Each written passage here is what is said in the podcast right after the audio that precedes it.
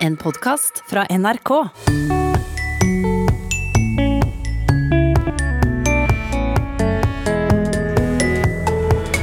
Skolepolitikerne i Kristiansand vil fjerne sidemålskarakteren for tiendeklassinger. Det er litt eh, bra, fordi at det, det blir veldig mye og ha tre karakterer i norsk. Og jeg synes det er veldig beroligende med en mindre karakter i norsk. Men i strid med norsk språkpolitikk, mener Språkrådet.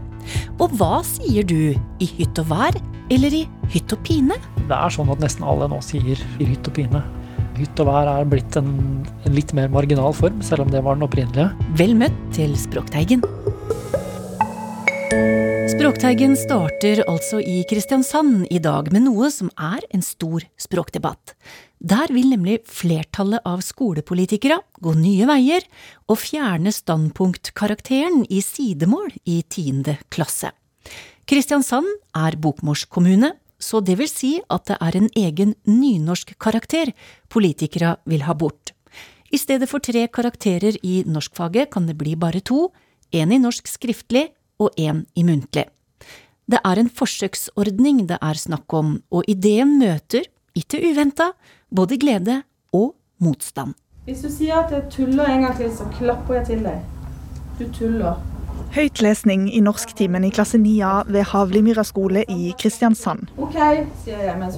At elevene i dette klasserommet potensielt vil kunne gå neste skoleår i møte uten sidemålskarakterer, mener flere er gode nyheter. Det er deilig å ha et fag som man ikke har karakter i.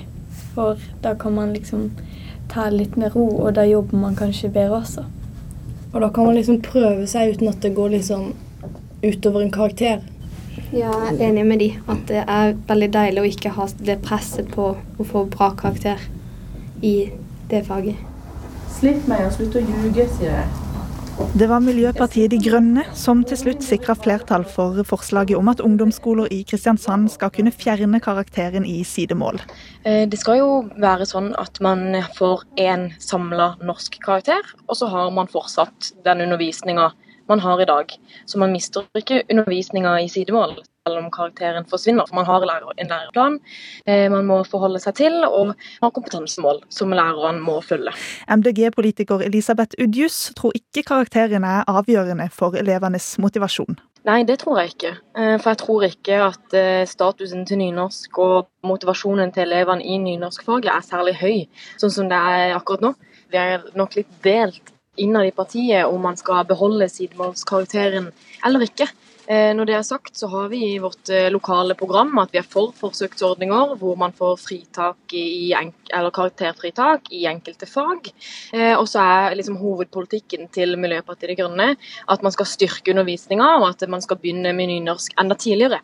Så det er også derfor at vi følte at vi kunne stemme for dette, selv om, selv om det ikke står ordrett i vårt program om at vi vil ha en karakter eller ikke vil ha en karakter. Så jeg er ikke enig i det premisset om at karakterer er det som avgjør om elever lærer eller ikke. Og så er dette en forsøksordning, og så blir det veldig interessant å se eh, hvis ungdomsskolen i Kristiansand melder seg på, eh, hva funnene blir, om eh, motivasjonen og om kunnskapene blir verre eller ikke. Det er litt eh, bra, fordi at det, det blir veldig mye å ha tre karakterer i norsk. Em, for da tar det veldig mye av uh, snittet, på en måte. Ja. Og jeg synes det er veldig beroligende med en mindre karakter i norsk, for det blir ganske mye. Men Kristiansand-politikernes forslag møtes også med skepsis. Leder i studentmållaget ved Universitetet i Agder og lektorstudent Marte Mæland mener tre karakterer i norskfaget er det beste for elevene. Jeg tenker jo at det er jo sånn at disse elevene òg skal videre fra ungdomsskolen. De skal inn på en videregående skole, sannsynligvis. Og da vil jo gapet eh, bli større eh, når de da skal begynne å ha sidemål, eh, som det da blir her. Eh, så jeg tenker at det er jo til slutt eh, elevene som sitter igjen som taperne. Men det er jo altså i hovedsak snakk om å fjerne sidemålskarakteren. Det er ikke snakk om å fjerne sidemålsundervisninga. Trenger det å være noe negativt? Det er jo det vi tenker at da, når du fjerner karakteren, så går det jo ut over opplæringa. Eh, Det er jo sånn at eh, til mindre eh, når det ikke er karakter, så vil på en måte både lærerne og elevene fokusere mindre på sidemålet.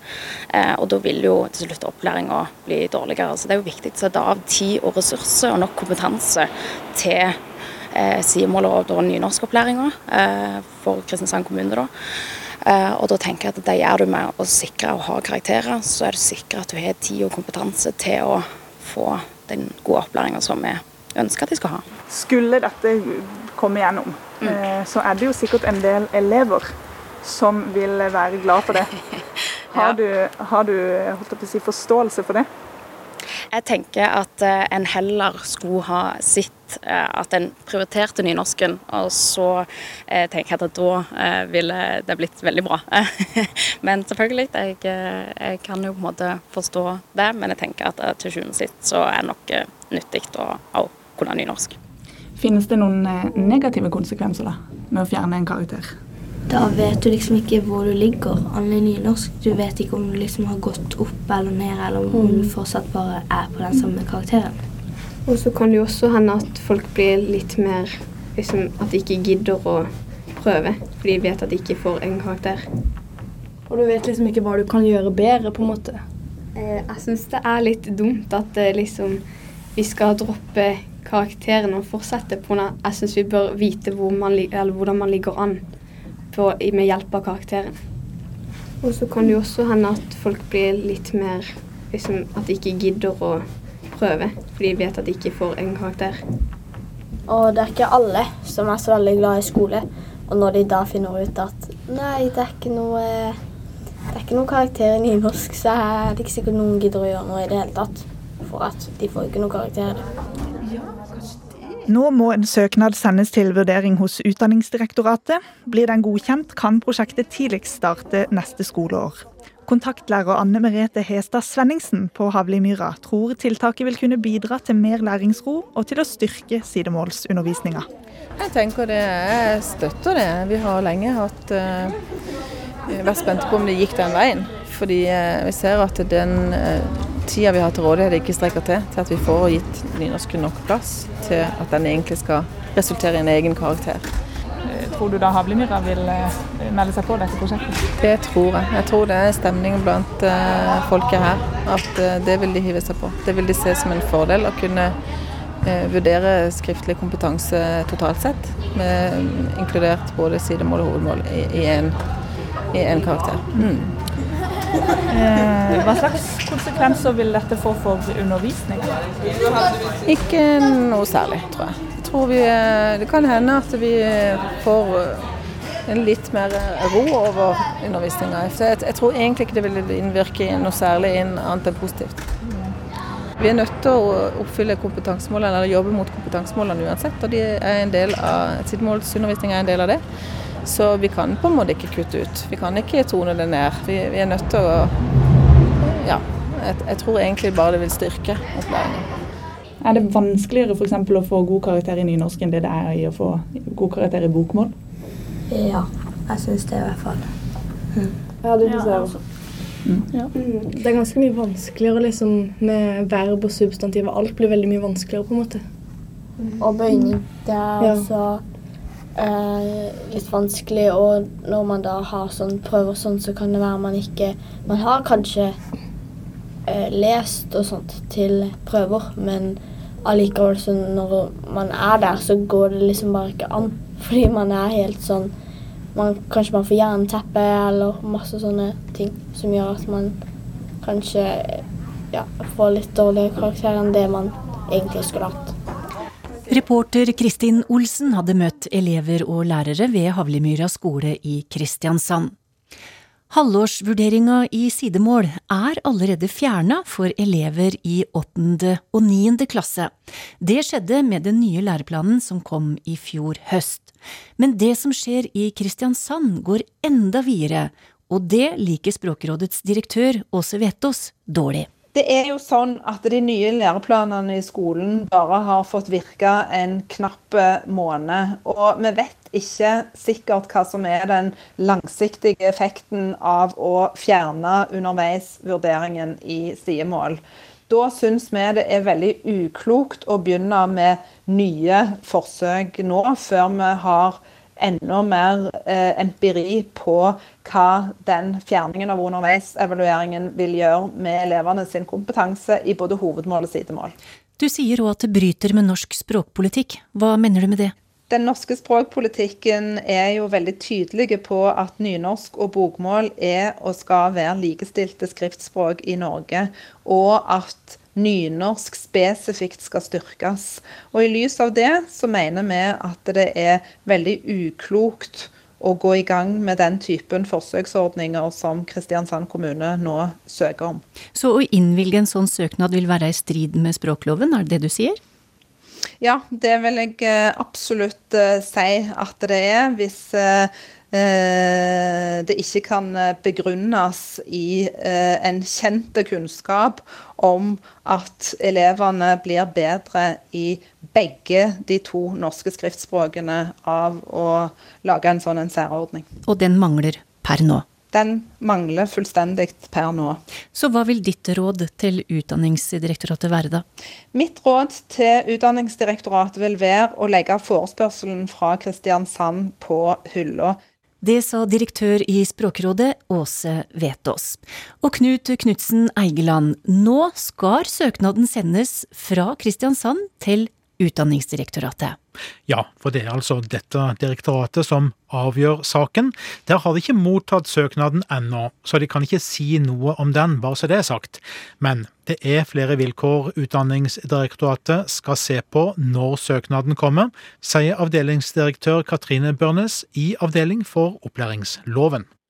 For oss er det først og fremst viktig at eh, en forsøkssøknad er godt begrunnet, at den har et godt eh, formål. I tillegg så er det også viktig at eh, kommunen har en god plan for evaluering av forsøket, slik at vi i etterkant kan se om det er aktuelt å endre regelverket. Er dette med standpunktkarakter viktig å se nærmere på? Eh, generelt så kan det være det. Eh, vi har jo også tidligere hatt eh, forsøk i, på det feltet, bl.a. med å ha unntak for karakter i orden og atferd. Hvordan stiller dere i Utdanningsdirektoratet dere til eh, slike forsøksprosjekt som dette, og da tenker jeg jo på generelt grunnlag? Eh, generelt så er vi jo positive til forsøk. Eh, departementet og direktoratet har selv tatt initiativ til eh, forsøk, og vi er også positive til lokale forsøk. Når dere får søknaden fra Kristiansand, hvor lang tid tar det å behandle en slik søknad? Eh, det er vanskelig å si, da, men sånn erfaringsmessig så kan det ta alt fra tre til seks måneder. Eh, og det er viktig for oss nå at de nye læreplanene blir eh, implementert. Eh, og det vil også være et moment når vi skal vurdere søknaden fra Kristiansand. Det sa Katrine Børnes i Utdanningsdirektoratet.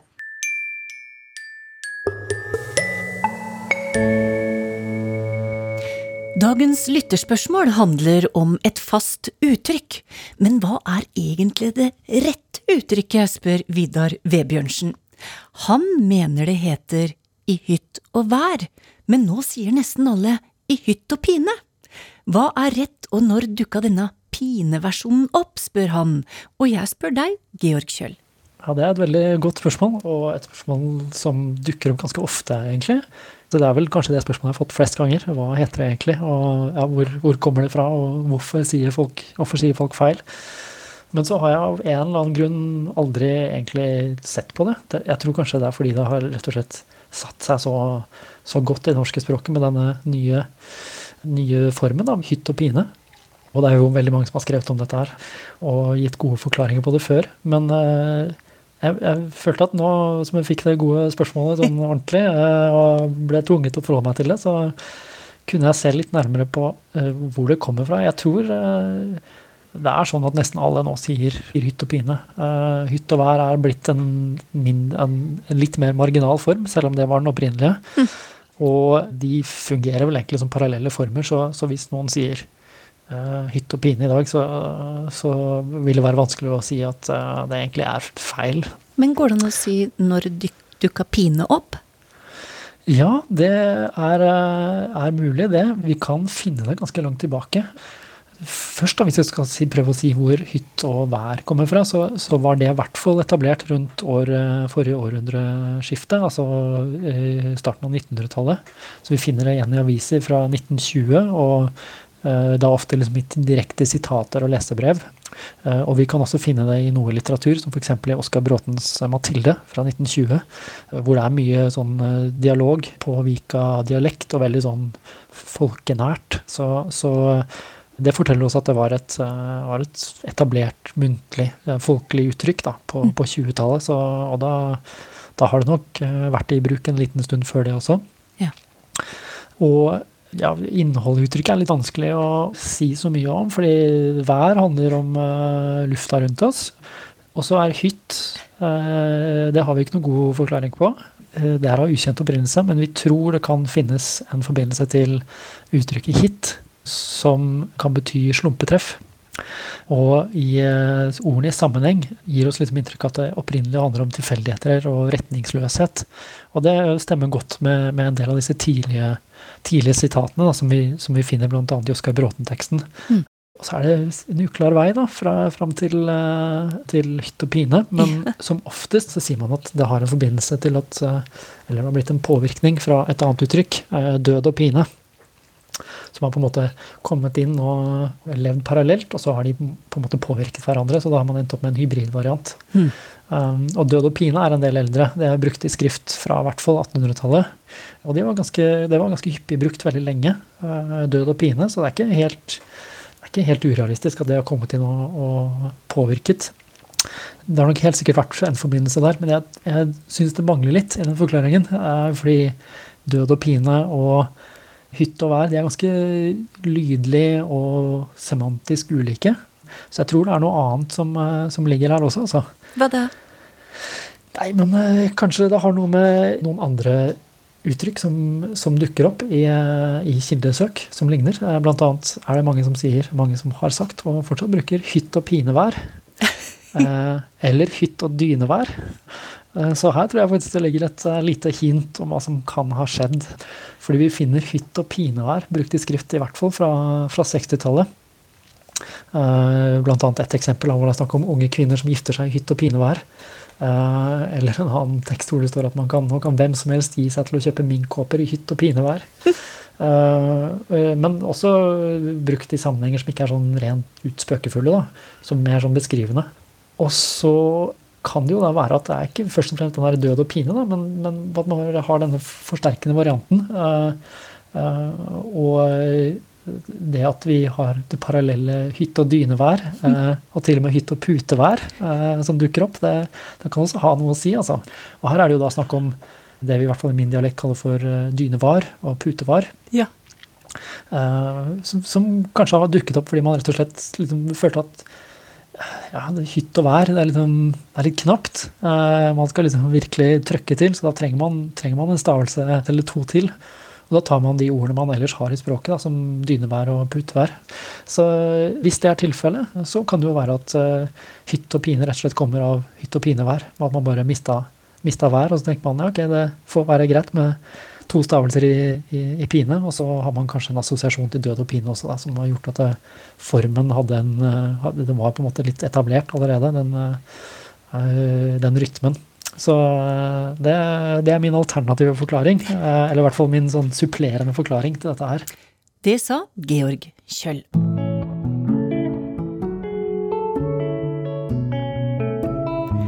Språkteigen er et program med lange tradisjoner, og i sommer så hadde vi en del språkglimt fra vårt historiske arkiv. Med jevne mellomrom framover så skal vi finne ut hva Språkteigen var opptatt av for 20 år sia. Og da har du begynt å rote i arkiva igjen, Knut. Mm. Vi synes rett og slett det er spennende med korte gjenhør fra Radioarkivet, og vi skal altså tilbake til årtusenskiftet i år 2000. Og det er store perspektiver på det vi skal høre.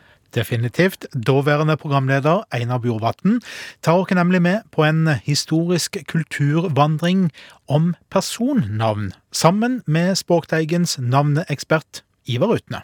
Den nyeste oversikta vi har, er fra 1998, og den viser at eh, blant jentene så var Ida, Silje, Marte, Malin og Karoline de mest brukte jentenavna, mens det blant guttene var Christian, Markus, Martin, Andreas og Sander.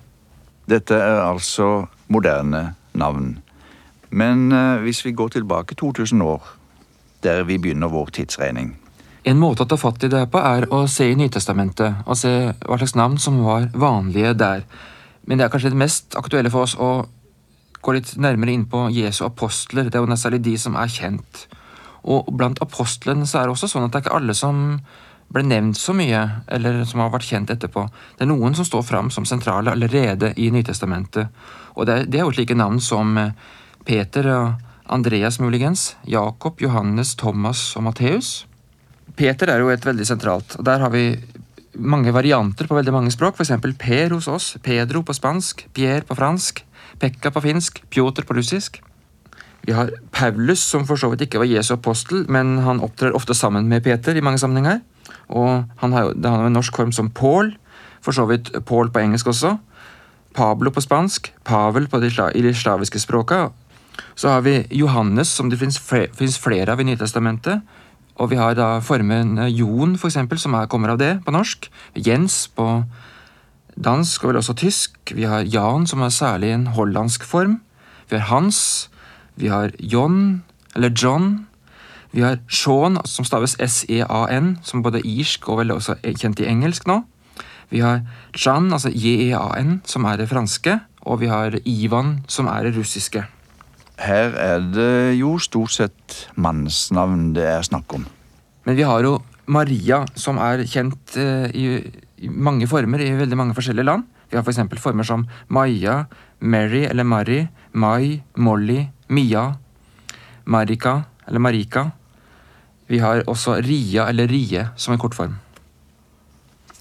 Og vi kunne også nevne at eh, Anna er jo ikke nevnt i Nytestamentet, men de er nevnt i en del andre eldre skrifter, og det er da navnet på Jesu mor. Og det er vel også veldig populært i alle land, og i også i veldig mange varianter.